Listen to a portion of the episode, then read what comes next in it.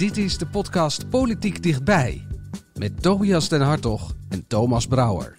Mark Rutte beloofde nieuw elan en mensen van naam en faam. Zondag werden de laatste namen van zijn nieuwe kabinet bekend en Rutte 4 is nu al historisch te noemen. Voor het eerst krijgt Nederland namelijk een kabinet dat voor de helft uit vrouwelijke ministers bestaat. Veel nieuwe gezichten, maar brengen zij ook dat beloofde nieuwe elan? Dat bespreek ik vandaag met Tobias den Hartog en politiek verslaggever Hans van Soest. Hans, welkom. Hi. Het was een, uh, een minder rustig uiteinde van het jaar dan je misschien had gehoopt. Je bedoelt met al het vuurwerk of bedoel je met al het politieke geweld? In Ik bedoelde vooral met het politieke vuurwerk toch van de laatste... Uh, nou ja, volgende week maandag staan ze op het bordes. En dan is het op vijf dagen na, een jaar geleden, dat het ka vorige kabinet viel. Dus we hebben een jaar lang eigenlijk politieke deining gehad. En ik verwacht niet dat het nieuwe jaar nou heel veel meer rust gaat brengen. Nee? Nee. Nee, daarvoor zijn. Het heeft niet voor niks zo lang geduurd. Hè? De politieke verschillen tussen de partijen zijn zo enorm groot. Ze vertrouwen elkaar zo slecht. Uh, er zitten 19 partijen in die Tweede Kamer die het over bijna alles oneens zijn. Dit wordt een hele roerige politieke periode. Die is echt nog niet voorbij. En we in ieder geval genoeg te vullen de komende podcast. Ja, ja, ja. Nee, aan, aan, onderwerpen geen probleem. Ik zat, ik zat in het einde van het jaar, dan maak je een paar van die eindejaarsverhalen. Hè. Hans heeft erin geschreven over het 1 april debat, het functie elders, uh, uh, Pieter Omtzigt functie elders debat uh, van, van Rutte, wat bijna zijn politieke dood werd. En we hadden een vervolg gemaakt over hoe die toch weer premier werd. En ik had een tijdlijntje gemaakt, ja, dat is een beetje flikker Maastricht zeg maar, maar een tijdlijntje gemaakt van wat, wanneer gebeurde nou wat. Gewoon voor puur voor in mijn eigen hoofd en voor de mensen die we gingen spreken van hoe zat het nou ook weer. En, die, en dat begon met een soort van ja, A4'tje zo, met een paar punten. En dan moest ik steeds meer tussen wringen over, oh ja, en toen is die minister opgestapt. En oh ja, toen was daar ruzie over die lezingen. En dat, dat werd een soort A3 broadsheet. Er moest steeds een A4'tje bij. Ja, dan moest, ja. ik moest steeds plakken. Ja, mijn collega's zaten me ook uit te lachen, dat, alsof ik een moord zat op te lossen. Maar het was echt een het was echt een tijdlijn van hier tot Gunter, want er kwam gewoon geen end aan die turbulentie. En ik, ja, ik denk dat dit, dit, dit kabinet is niet mega stabiel al. Hè? Ik bedoel, het is, uh, er was best wel veel chagrijn dat ze weer met dezelfde vier door moesten. Uh, daar gaan ze ook nog best wel veel kritiek van ondervinden. Er komen parlementaire enquêtes aan op ja. onderwerpen zoals uh, corona, hè, Groningen. Er, er zit best wel ja. hangt veel in de lucht. Ja, ik, uh... En er zitten uh, twee vicepremiers uh, in het kabinet die allebei azen op die post in het torentje. Um, dus nee, rustig wordt het niet. Rustig wordt het niet. Rustig was het ook niet voor jullie, want 20 nieuwe ministers, negen staatssecretarissen, dat is huiswerk, dat is namaatje hoofd leren. Ja, ik moet er nog aan beginnen, Thomas. Ja, nee, we gaan meteen maar even kijken of dat al een beetje in je hoofd zit, oh, Hans. Als nu ik nou indekken. Ja, precies, precies. Een, kleine, een klein quizje. Als ik het nu heb over de nieuwe minister voor Buitenlandse Handel en Ontwikkelingssamenwerking, Hans? Ja, dat is Liesje Schrijnemacher. Uh, die weet ik toevallig omdat die me opviel, uh, omdat zij, ze is nu een paar jaar Europarlementariër. En veel meer politieke ervaring heeft ze niet. Ze heeft überhaupt niet heel ze is vrij jong, hè? ze is 38. Dus ja, die was mij bijgebleven. Uh, ik vond het namelijk wel een opvallende keus. Dat als Europarlementariër viel ze niet echt op de afgelopen jaren. Dus ja, blijkbaar uh, zien ze bij de VVD uh, iets in haar wat de buitenwacht nog niet echt heeft gezien. Nou ja, dat, dat, dat is misschien wel die Brexit-deal. Hè? Daar was zij, zij, zij heeft meegeschreven aan die Brexit-deal. Dus wellicht dat ze daar hebben gezien van... oké, als je zo'n zo'n moeilijk iets kan volbrengen... nou ja, volbrengen voor zover het is geslaagd... maar ja, er kwam uiteindelijk een deal, en een handelsdeal vooral. Hè? Dus ja, misschien dat, dat, dat de VVD dacht, ja. nou, dat is misschien een paard ja. om op te wedden. Ja. Ze heeft wel al heel veel geledingen binnen de partij doorlopen. Hè. Ze is uh, politiek assistent geweest van ministers. Uh, ze heeft uh, voor de Tweede Kamerfractie gewerkt. Dus ze kent wel dat klappen van de zweep. 1-0, Tobias. Shit, dat, dat legt de druk bij jou nu dan. De nieuwe staatssecretaris van Cultuur en Media? Oh, dat is mevrouw Uslu. Heb ik dat goed? De uitspraak uh, zou ik niet helemaal zeker nee? kunnen zeggen. ja, dat is toevallig weer dan de zus van die uh, baas van, uh, van, van Corendon. Ja, inderdaad. Precies. Ja. En dat vond ik altijd wel een interessante kerel. Dus, de, de, dus toen ik hoorde van, hé, hey, dat is een zus van die, dacht ik, hé, hey, die, die, ja, die, die kan ik onthouden. Maar verder weet ik niks van haar zelf. Alleen maar de zus van. Maar goed, dat is wel nou ja, een punt, toch? En, en wat ik begreep, want ik heb het natuurlijk wel even opgezocht. Ja, ja, dat, uh, ja, dat, het, ze zit ook in de raad van toezicht van het AIE Filmmuseum. Oh, en ze is cultuurhistoricus. Dus er oh, zit okay. ook wel een hoop vakkennis al. Uh, ja, ja, okay. De laatste dan, want uh, dan, ja, weet je, we hebben er nog, nog zeven, 17 te bespreken hierna. Um, de nieuwe staatssecretaris Jeugd en Preventie. Ja, uh, dat is uh, die uh, wethouder uit Utrecht van de ChristenUnie en die heet Maarten... Van Ooyen. Ooyer? Van Ooyen. Ja, Van Ja. Ooyen Van is het. Ooyen? Van, O- Oh, dan gaat, sorry, gaat de winst toch Nee, naar, eh, naar Nee, dat Tobias dan. eh, verloren, ja. helaas. Ja, die Ja. viel op, omdat Ja. hij, hij is de jongste, hè? 31. 31. Ja, Ja. ja. hij is Ja. de jongste. Ja, ja. Ja. Nee, da- daarvan moest ik wel even... Ja. Ja, sowieso zitten er jonge mensen wel in het nieuwe Ja, eh, want we hebben het heel erg. eh, er gaat heel veel aandacht nu uit eh, naar. Oh, heel veel vrouwen in dit kabinet. Hè? Eh, dat is ook zo. We hebben nog nooit zoveel vrouwen in het kabinet gehad. Maar dit. Als je kijkt naar die ministersploeg die volgende week op, die, eh, op dat bordes staat, die vallen om meer redenen op. En inderdaad, het aantal jonge bewindslieden is echt best wel hoog. Eh, nou ja, de staatssecretarissen staan dan niet op die bordesfoto. Maar op die bordesfoto staan drie dertigers. Hè, Rob Jetten is 34, Alice Schrijnemacher noemden we net al. Dennis Wiersma is 4,35. ja, zoiets. zoiets. Ja. Ehm, we, we hebben nog nooit zoveel jonge bewindslieden eh, in, eh, eh, gehad. Eh, dus ja, dat is opvallend. Eh, Divers. Divers, ja. Ik, ik- eh, ja, er zit in elk geval eh, op die foto volgende week zie je eh, twee ministers met een, met een kleurtje. Ik vind het altijd wat lastig om, ja, bijvoorbeeld Frank Weerwind, hè, is gewoon een Nederlander, hè, die is gewoon in Amsterdam geboren, maar goed. Hij heeft Surinaamse, zijn ouders komen uit Suriname. Dylan Yesilgus komt wel echt uit Turkije. Ehm, eh, maar ja, is eigenlijk ook gewoon zo Nederlands als, als een pak vla. Dus ja, ik, maar goed, in zoverre, het valt wel op. Ja. Die, eh, die, die weerwind trouwens, behoorlijk Nederlands. Hè? Die, zat- die zat bij Minerva ten tijde van de koning ook. Sterker nog, ze zijn tegelijkertijd lid geworden, las Ja. ik ergens. Ja. Ja, nou, die, dan, dan heb je wel een ingangetje, zeg maar. Dat, maar dat, dichter bij Nederland zou je, in zekere zin kan je dan niet komen, toch? Ja, Ja. nou ja. Deze week ontvangt eh, Mark Rutte dus alle nieuwe leden van zijn nieuwe kabinetsploeg. Ze moeten dan alles op tafel leggen dat een eventuele baan als staatssecretaris of minister dan nog in de weg kan staan. Mhm. Om wat voor dingen gaat het dan? Wat zou er dan in de weg kunnen staan van zo'n positie? ja, dingen die ze in het verleden hebben gedaan of hebben gezegd. Weet je wel, waarvan Rutte zegt van, joh, moet ik dat nog weten? Ehm, eh, kijk, het AIVD heeft in principe al onderzoek naar ze gedaan. Hè. Zijn ze over bepaalde manier dingen chantabel, want anders waren die namen niet bekendgemaakt. Ehm, eh, als het goed is, eh, zijn al hun zakelijke belangen al op afstand gezet. Zo niet, dan hebben ze daar nog een paar dagen de tijd voor, maar dat zal ook wel goed komen. Maar er zijn altijd wel dingen ehm, eh, die ehm, dan toch nog te sprake komen in zo'n gesprek. En bijvoorbeeld vier jaar geleden, in 2017, kwam Woeke- Wopke Hoekstra voor de eerste keer bij eh, Mark Rutte, toen als eh, beoogd minister van Financiën. Toen kreeg hij ook die vraag. En toen heeft hij al gezegd in dat gesprek, ja, eh, eh, luister eens eh, Mark, je moet wel één ding weten. Ik heb in het verleden eh, heb ik, eh, een pensioenfonds gehad, eh, eh, wat eh, belegt in, wat is het, Guernsey of Jersey? Ik hou die twee nooit uit elkaar. Ehm, eh, dat is inmiddels al eh, afgesloten, maar weet dat kan nog wel eens op gaan spelen. Nou, dat bleek inderdaad een paar jaar later eh, op te spelen. Nou ja, over dat soort dingen gaan die gesprekken. Ja. En gebeurt het dan nog wel eens dat zo'n ministerschap dan toch niet doorgaat op zijn laatste dag?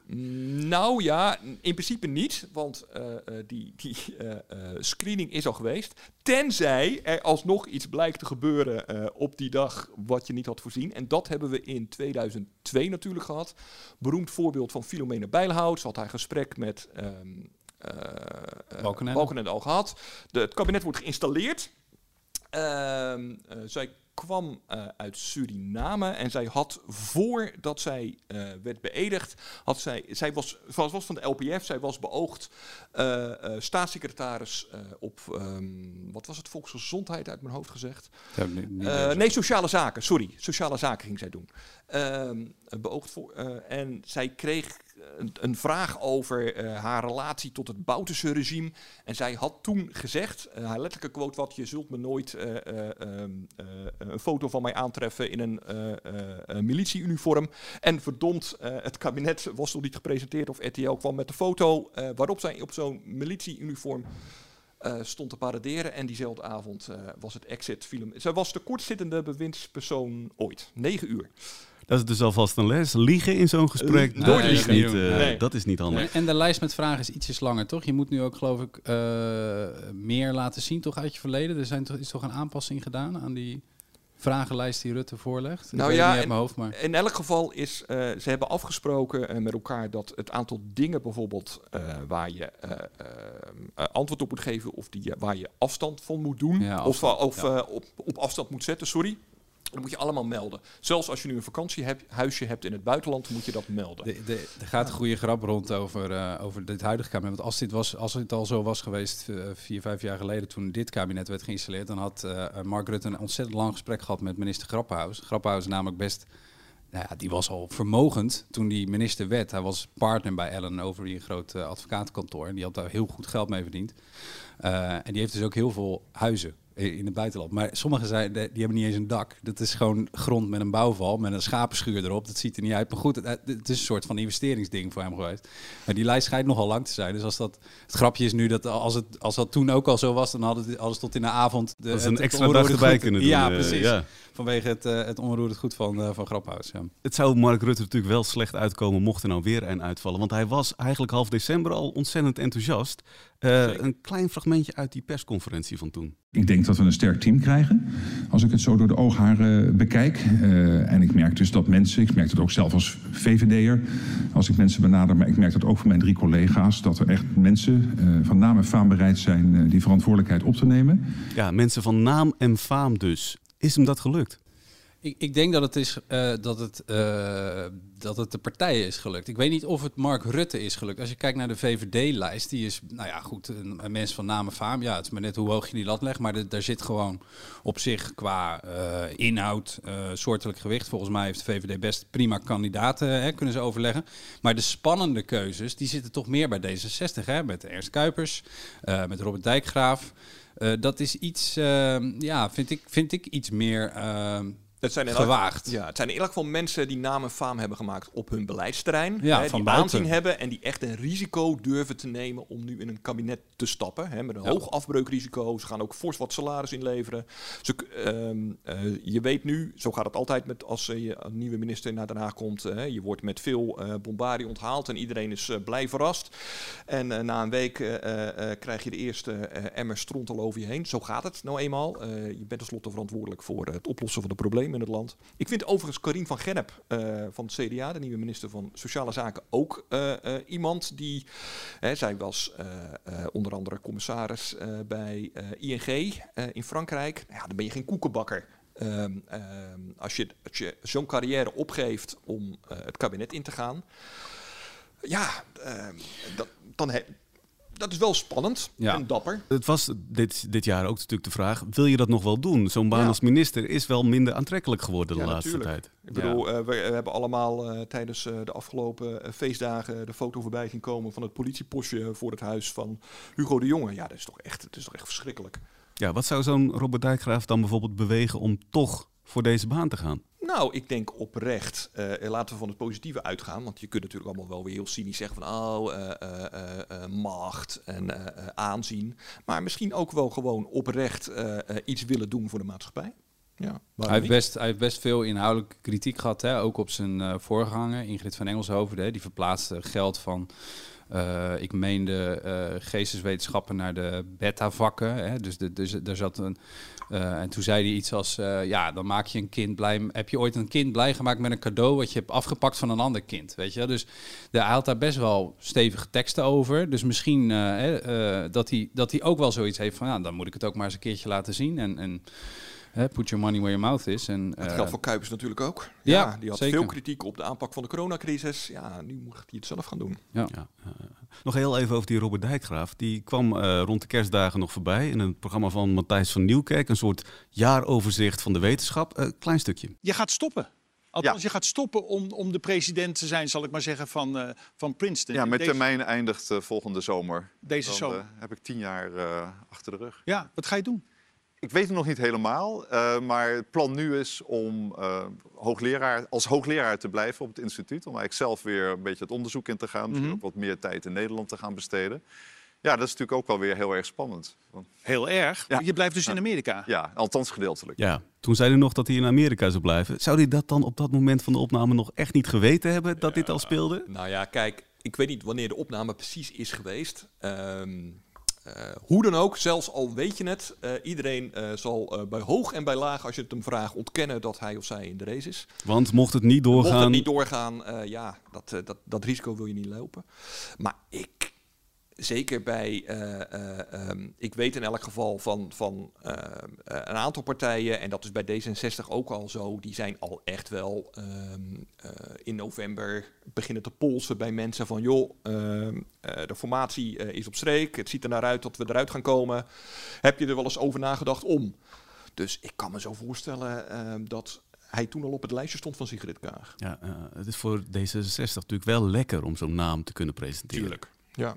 Ja, dat is elke partij droomt daar toch van, toch? Om met een kandidaat te komen die, die, die veel media-aandacht genereert. En van mensen denken van, oh, dat is uh, opvallend, dat hij de overstap maakt naar Den Haag. Ja, dat wil elke partij graag. Ja, dat denk ik ook. Ik denk ook niet dat, dat kijk, je moet, eh, het, het politieke handwerk is echt wel weer barstiger dan uh, je eigen stijl, hè, je eigen vak. Dus ik, kijk, hij gaat er ook tegen aanlopen dat hij gewoon een kamerdebat heeft van, van 14 uur. Waarbij een oppositiepartij in het allerlaatste vijf minuten nog even een toezegging vraagt over iets wat heel veel geld blijkt uh, uh, blijkt te gaan kosten. Maar wat hij dan misschien niet weet. En dan zegt hij, nou dat is goed, dat gaan, dat gaan, we, dat gaan we doen. Of daar gaan we naar kijken. Weet je, en dat wordt bij, de, bij, een oppositiepartij dan gevierd als een overwinning. En, en, en, vastgezet als een belofte. Waarvan hij dan misschien later denkt, oh shit, dat had ik me helemaal niet moeten zeggen natuurlijk. Dat kan helemaal niet. Of dat een ambtenaar achter in het vak uh, tijdens zo'n debat denkt, oh nee, wat zegt hij nou? Dat kost klauwen met geld en dat weet hij niet. Ja, die dingen die gaan gebeuren bij die mensen die niet zelf ook in de Kamer hebben gezeten. Die niet weten hoe dat werkt. Maar ja, de, de, de politieke, uh, het, hoeft geen, niet per se politieke brokken op te leveren, denk ik. Het is ook spannend en ik denk dat je ook wat meer krediet hebt als je van buiten komt en uh, ja. uh, mensen zullen denken, nou leuk, laten we maar eens proberen. We vergeten natuurlijk ook dat het publiek heel vaak hè, de, de, de, de, de, normale kiezer, de normale krantenlezer ook wel eens denkt van ja, ik wil ook wel eens een nieuw gezicht. Hè, laat er maar eens een andere wind waaien. Nou, dan heb je met zo'n kandidaat, uh, en terecht overigens, en dan heb je met zo'n kandidaat heb je best goede papieren, denk ik. Wat ik me wel afvraag dan, uh, zo'n Robert Dijkgraaf, zo'n, ook zo'n Ernst Kuipers, Hè, straks beginnen ze op zo'n departement. Is toch heel even wennen, een beetje aftasten. Hoe werkt dat dan eigenlijk?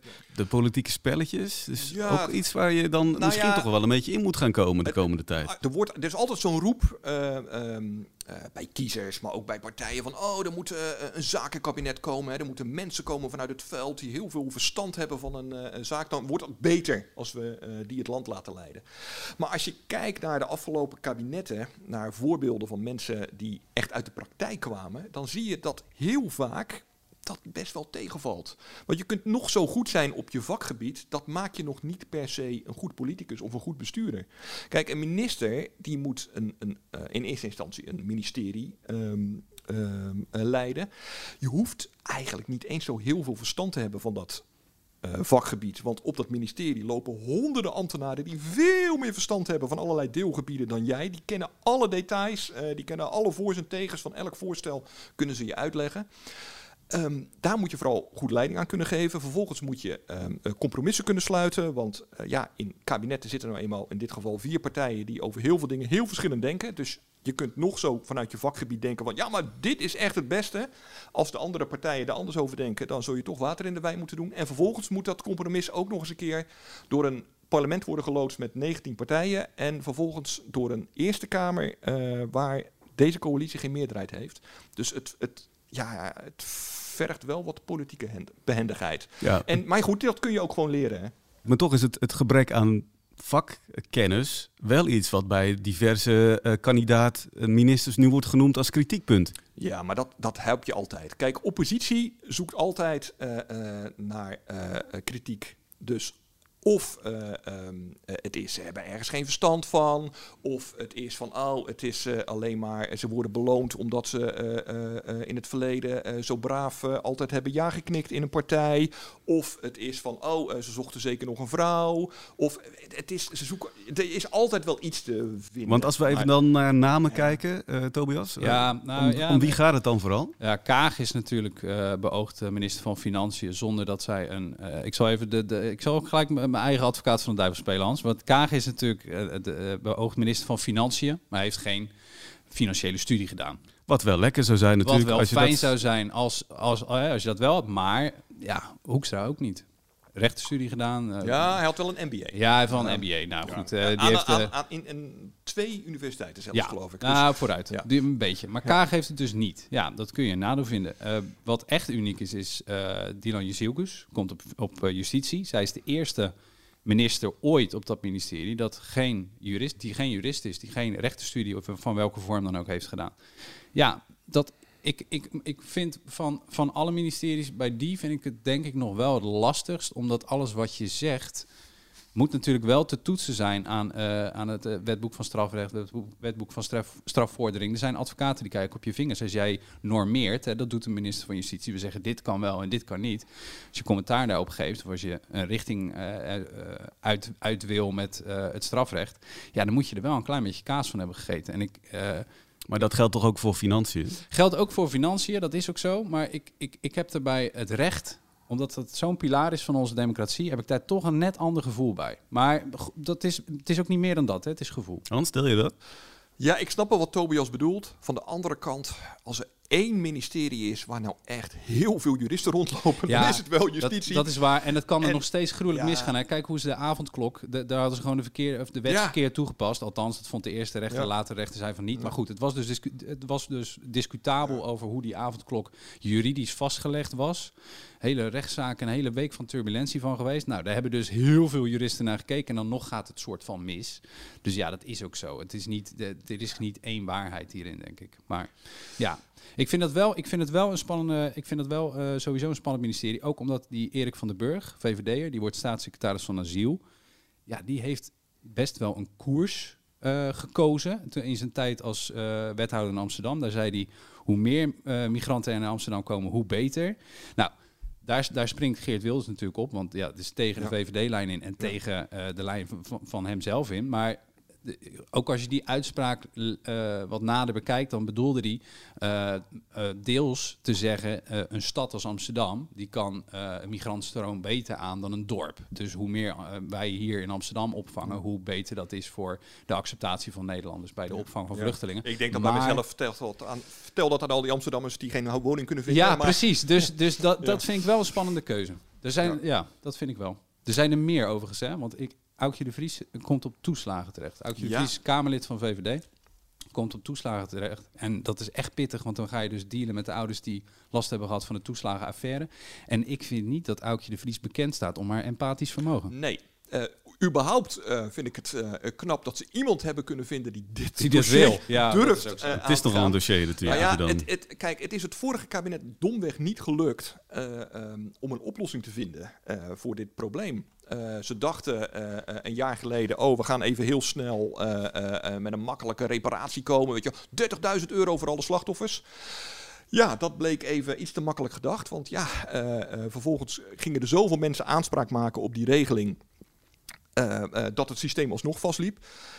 En het, het, het, probleem is nog steeds niet opgelost. Het is een, een hardnekkig probleem. En het wat alle partijen eigenlijk willen is een simpeler belastingstelsel, uh, waarbij we eigenlijk niet meer met de toeslagen hoeven te werken, uh, zodat mensen ook niet meer in de problemen komen. Maar ja, dat komt daar maar eens om, dat lukt gewoon niet. Ze gaan nu een begin maken met de kinderopvangtoeslag. En ook dat moeten we nog maar zien of dat lukt, want dat heeft twee kabinetten geleden is dat ook geprobeerd. En toen dat was echt de bedoeling en ze waren al heel ver. En toen zijn ze er toch maar mee gestopt omdat de uitvoering te ingewikkeld bleek. Nee, die, die kunnen aan de bak. Uh, veel nieuwe gezichten al, we zeiden het. Uh, wie er ook wel weer zijn, er zijn een hoop bekende gezichten. En mensen met echt enorme hoeveelheid kilometers in de Haagse politiek. Mark Rutte is gewoon weer premier. Ja, ja dat was onvermijdelijk, ja. Nee, als ze dat hadden willen voor, voor, voorkomen, dan hadden ze dat in april uh, moeten doen. Hadden ze hem weg moeten sturen tijdens het debat. Maar ja, dat is niet gelukt. En, uh, uh, ja, en dan nog was hij misschien wel alsnog premier geworden. En dan was hij misschien alsnog wel premier geworden met andere partijen. Nee, dat is ook zo. Hij heeft gewoon de verkiezing gewonnen. Dus dan, ja, dan heb je in feite aanspraak op die stoel. Wel sinds 2010 al, hè. Dus ik bedoel... Hij kan dit jaar de langzittende premier van Nederland in ja oktober, meen ik, uh, uh, gaat hij dan uh, Ruud voorbij. Ja. ja. nou ja, dat is bizar eigenlijk. Hè? Als je ziet wat, wat, wat er allemaal al gepasseerd is, dat hij dat, dat, hij dat ja. ja de overlevingskunstenaar per zang. Um, maar goed, de pijlen zullen ook echt wel weer op hem gericht worden. En ja. hij heeft inderdaad al heel wat uh, butsen en vlekjes. Ja. En, ja. ja, maar tegelijkertijd, zoals Tobias net zei, hij heeft wel de verkiezingen gewoon gewonnen. En hoe je het ook bent of keert, er was eigenlijk geen kabinet te vormen zonder de VVD. Punt. Dus ja. ja. Wie ook minister worden zijn uh, Sigrid Kaag en Wopke Hoekstra. Is dat opvallend? Nou, ik vind, van, wel- ik vind daar iets van. Ehm, eh, in die zin, daar stel ik de vraag bij of dat verstandig is. Kijk, we, hebben de, de formatie is, heeft heel lang geduurd. Is heel problematisch geweest. Juist omdat we. Hè, er was natuurlijk gewoon kinderzinnen van wie wil met wie. Maar er was ook een probleem over wat zij dan noemen de bestuurscultuur. Nou, dat, kan je, dat is een containerbegrip. Je kan daar alles in flikkeren wat je wil. En zeggen, nou, dat is f- foute bestuurscultuur. Maar een van de dingen waar de partijen het over eens waren, is dat er meer afstand moet komen tussen de Tweede Kamer en de regering. Het is niet zo dat de, de, de regering iets bedenkt en dat de Tweede Kamer dan maar tekent bij het kruisje. Er moest meer dualisme komen. Eh, de Tweede Kamer geeft tegengas, eh, het kabinet doet een voorstel en daar gaan we eens naar kijken. Zo, dat was de verhouding waarvan iedereen zei, nou, dat is een gezonde eh, verhouding. Maar wat heb je daarvoor nodig? Sterke politieke leiders in de Tweede Kamer. En je ziet dat van de vier partijen er drie van die sterke leiders gaan in het kabinet zitten. Alleen Segers niet van de ChristenUnie. Alleen, alleen Gert-Jan Segers van de ChristenUnie niet. Die blijft in de Tweede Kamer. En je kunt je afvragen, hè, er worden dadelijk nieuwe fractievoorzitters gekozen. Die moeten dan hè, die fractie eh, gaan vertegenwoordigen, aanvoeren. Ja, je kunt je afvragen, zijn die straks mans genoeg om hun echte partijleiders in het kabinet tegen te spreken? Nou ja, Want- ik ben het wel eens met Tobias hoor, want de praktijk leert natuurlijk nee, dat gebeurt Nee. niet. Ze je gaat niet tegen de wil van je eigen partijleider in. Eh, dus ik vind het ook absoluut opvallend. Ik vind het ook veelzeggend. Eh want het feit dat eh, Sigrid Kaag ervoor kiest om niet in de Kamer te gaan zitten, maar minister van Financiën te worden. We weten, de minister van Financiën is eigenlijk altijd de meest populaire bewindspersoon. Dat blijkt altijd uit alle peilingen, want mensen houden nou eenmaal van ministers van Financiën die eh, netjes op, met onze belastingcenten omgaan. Ze sorteert gewoon voor op de volgende eh, verkiezingscampagne. Ja, zou dat de en- belangrijkste nou ja, motivatie zijn nou voor ja, deze positie? Ik, ja, ik denk het wel. En hetzelfde kun je eigenlijk zeggen over Wopke Hoekstra. Ik vind zijn keuze voor buitenlandse zaken eigenlijk heel gek. Want een minister van Buitenlandse Zaken was ooit een hele belangrijke functie. Maar dan hebben we het wel over de tijd van eh Jozef Luns. Toen stelde die eh, dat ministerschap had je echt nog aanzien. Tegenwoordig ben je een beetje onzichtbaar. Want Europa, dat wordt allemaal door de premier gedaan. eh, of door de minister van Financiën in de Ecofinraad. Eh, als minister van Financiën ben je een beetje onzichtbaar. Je bent veel in het buitenland. Maar van de andere kant, je, bent, je loopt ook heel weinig kans om politieke schade op te lopen. En dat hebben we gezien aan Sigrid Kaag. Dat Die was voor- als, Sigrid Kaag was als minister tamelijk onzichtbaar. Ja, sorry, dat was ze echt. Totdat ze zich kandideerde als eh, eh, eh, tegenkandidaat voor Rutte bij de eh, verkiezingen. En toen ging ze ineens sky high. En misschien gokt eh, Wopke Hoekstra daar wel op. Het zou zo voor het CDA sowieso wel even lekker zijn als het gewoon een, een paar maanden of een jaar of misschien wel drie jaar gewoon even rustig blijft. in Langer dan drie jaar wordt het in elk geval niet, want dan hebben we alweer nieuwe verkiezingen. Precies, Zo lang heeft ja. dit allemaal geduurd. Ja. Maar toch een op- opvallende keuze wel. En, en wat misschien ook wel een opvallende keuze is, Hugo de Jonge. Ja, ja kijk, de, bi- binnen. eh, kijk, als coronaminister was de, hè, is wel de, de gedachte: oké, de, de, de, de, koek is op. Het is, het is genoeg geweest. Hij vertegenwoordigt natuurlijk ook. Ja, eh, hij is het gezicht van een hele moeilijke, stugge periode. En we gaan nu eh, na de zoveelste lockdown, mensen zijn het zat. Ja, zijn gezicht is, staat daar, is daarop. Dus qua, qua, qua merk, qua branding, moet je, hem, moet je hem daar weghalen. En dat is gebeurd. Ehm, vervolgens, ik denk dat hij zelf heel graag ehm, minister wilde blijven. En volkshuisvesting is op zich een ministerie waar je echt je tanden in kan zetten. Ook in kan stukbijten overigens. Dat moet, we moeten nog maar zien dat er echt zoveel eh, huizen gebouwd gaan worden als, eh, als alle partijen willen. Ehm, maar ja, van het, vanuit het CDA begrijp ik wel, je wil hem niet. Ja, je wil hem, hij, is, hij is ook een stevige minister. Als je dit de baas kan, dan kan je ook op een ander Je ministerie. wil hem ook Ja. niet kwijt. Precies, je wil hem ook niet Ja, kwijt. En hij heeft zich natuurlijk eh, eh, voor het CDA althans wel vorig jaar ontpopt als echt een hyper, hyper, hyper loyale eh Ja. CDA. Kijk, hij was de man. Wopke Hoekstra was degene, die, dat was de gedoodverfde nieuwe partijleider. En die zei ineens eh, eh, anderhalf jaar geleden, vlak voor de zomer, nee, ik wil het eigenlijk toch niet. En toen heeft eh, eh, Wopke Hoekstra, of sorry, eh, Hugo de Jonge gezegd, nou oké, dan kandideer ik me wel voor het lijsttrekkerschap. Eh, moest hij die verkiezing aan met Mona Keizer en Pieter Omtzigt die die heeft gewonnen, kreeg vervolgens enorm veel tegenwerking vanuit zijn eigen partij. Heeft toen het lijsttrekkerschap weer neergelegd. Heeft zich heel loyaal achter Wopke Hoekstra geschaard. Ehm, dus ik denk eigenlijk dat Hoekstra het ook wel prettig vindt om iemand in zijn ploeg te hebben waarvan die weet, nou ja, hè, die gaat elk geval niet muiten. Eh, daar kan ik op bouwen. Dus ja, Ik, ik snap in zoverre de keuze wel. Wat ik minder goed snap, is dat Hugo de Jonge het zelf wil. Want Ja. eh, hij ziet er... Nou ja, Hij alleen ziet al die politie, uit. ja, die, po- die Ja. politiepost voor zijn woning. Dat is natuurlijk, je zou toch ook denken dat je op een gegeven moment eh, zoiets hebt van, eh, nou zoek het, zoek het lekker uit. Ja, ik heb, ik, Ja. ik heb mijn diensttijd wel eh, volbracht. Ja. Ja, zal Ernst Kuipers daar, daar ook al over nagedacht hebben? Dat denk ik wel toch? Ja, dat denk ik ook wel. Kijk, dit is ook wel bekend hè, dat Jaap van Dissel een tijdje beveiligd werd. Ze zijn allemaal wel, eh, wel een keer bedreigd. Ik denk dat het voor Ernst Kuipers niet anders is. Dus hij zal wel weten hoe het is. Eh, maar goed, hij komt nu echt nog meer dan hij zich eh, misschien beseft. En meer dan hij was in het oog van, van de camera's en het oog van de, van de orkaan te staan. Dus nee, ik, ik neem aan dat hij verstandig genoeg is dat hij dat weet. Ehm, maar goed, je moet dat nog wel ondervinden. En, en dat is... dat er, eh, dat er veel over hem gepraat is in aanloop hiernaar. Hè. Ik geloof dat hij de talkshows had hij her en der wel een vaste stoel. Dus dat helpt natuurlijk wel. Maar dit is wel weer nog weer even iets anders. Nu heb je deze week een gesprek, heeft Mark Rutte een gesprek met alle nieuwe ministers, alle nieuwe eh, staatssecretarissen. Dan zijn er ook een aantal die misschien wel gehoopt hadden op zo'n baan en die het niet zijn geworden. Ja, Raymond Knops denk ik dan aan. Die had denk ik heel graag naar Defensie eh, Was gegaan. staatssecretaris? Was staatssecretaris. Had denk ik heel graag Defensie gaan doen. Maar ja, Volgens die- zijn eigen partij deed hij het ook goed. Ze waren echt tevreden Ja. over hem. Maar, hij is naar, maar die post die van Defensie ging naar D66. Ja, en dan val je in die puzzel. Hè, die krijgt dit ministerie en, en daar heb- hebben we die kandidaat bij. En dan val je net buiten de, buiten de boot. Ehm, maar overigens zou hij dus wel weer in aanmerking komen voor het fractieleiderschap van het CDA. Maar ja, dat is Zou je dat een- ook willen? Hij is Ja, ambitieus genoeg. denk Ja, ik. het is wel de Ja. next best thing, denk ik. Ja. Ja, nee, ik denk het wel, ja. ja. Er zijn meer eh, politici die natuurlijk nu verdwijnen. Eh Grapperhaus zien we niet meer terug als minister. Ja, Die eh, liet al weten dat hij daar toch wel erg teleurgesteld over was. Ja, dat hoorde je. Het las je wel een beetje in die verklaring door. Hè? Ja, ik denk, ik denk ook wel dat die. ehm, eh, het is niet een, een type wat je op een ander ministerie, denk ik, neerzet. Want hij is wel echt helemaal jurist eh, eh, tot en met. Justitie Eh, zat hij. Ja, justitie zat hij. En, en de- de- daar, daar moet je dus.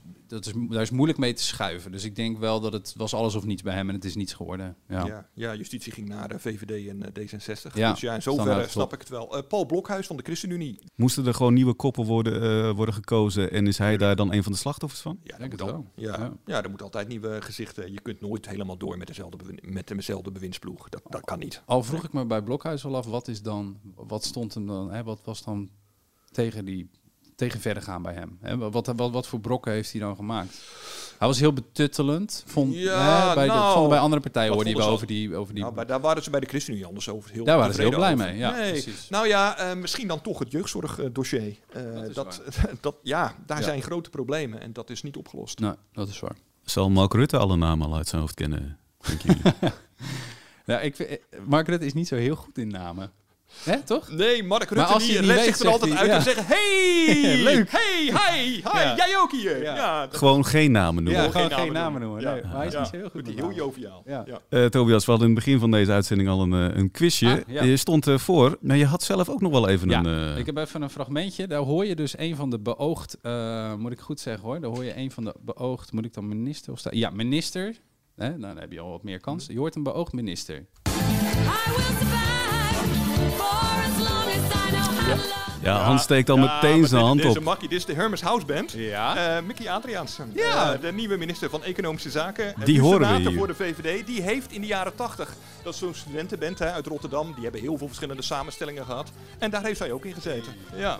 Ja, nou ja, is goed. Ja, ik weet eerlijk gezegd niet of zij ook de zangeres was van... Ja, eh, maar het eh, voor het eh, verhaal, eh, dit moet je niet willen checken. geval- Als... Ja, maar ze heeft in elk geval in de Hermes House Band gezeten. Ik weet niet of zij nou ook de bewuste zangeres was van toen dit voor de eerste keer een hit was. Nee, Daarna is het nee, dat nog is niet. drie of vier keer een hit geweest. Maar ja. ja. Nee, volgens mij niet de originele hit. Maar al speelden ze Triangle. Voor het verhaal is dit toch te voor leuk. het verhaal gewoon. is het ja. te leuk. Ja. Nou ja, misschien eh, dat, eh, dat Rutte dit dan net weer wel kent. eh. Ja, dat zou wel kunnen. Ja. Het zou Ja. me helemaal niet verbazen. Eh, hoe, hoe gaan die dagen nu de komende tijd eruit zien? Eh, dan hebben we op zaterdag is het constituerend beraad. Doe even voor de JATC. Constituerend beraad. Dat, dat gaat eigenlijk om dat de eh, ministers onderling, hè, dus je hebt de minister van Justitie en Veiligheid, die, die zit dan met de minister van Justitie en Veiligheid, de minister voor Rechtsbescherming en de staatssecretaris van Asiel. En dan verdelen ze het werk eigenlijk. Hè. De- de- dus oké, eh, je zit op rechtsbescherming. Wie, doet- wie doet eh, eh, de rechtspraak? Nou, dan gaat het naar, of naar de ene minister of naar de andere minister. Dat is altijd nog wel even een gevechtje, want Eh, ja, sommige dossiers wil je niet en sommige dossiers wil je juist heel graag. Dus er is altijd nog een beetje eh, eh, schermutseling over en weer. Eh, dus de- dat is op de zaterdag. En dan is de bordes Maandag. De maandag, ja. Ja. ja. Dus volgende week dan, eh, dan hebben we een bordesscène met Ja. anderhalve meter afstand trouwens. Ja. Dat wordt nog wel een bijzondere foto. Ja, zeker. Ik hoop dat hij zijn groothoeklens eh Eh, nou, ik, ik, ik begreep eh, dat ze eh, het bordes al hebben opgemeten. Het moet lukken. Dus eh, met voldoende afstand om ze alle twintig in dit geval, hè, want de staatssecretarissen staan er niet op, eh, op het bordes te krijgen. met de koning. Dus 21 eigenlijk. Kan het. Tot zover deze aflevering van de Politiek Dichtbij. En vind je dit nou een leuke podcast? Abonneer je dan vooral via Apple Music of Spotify. Dan zie ik jullie volgende week. Yes. Tot dan. Hi.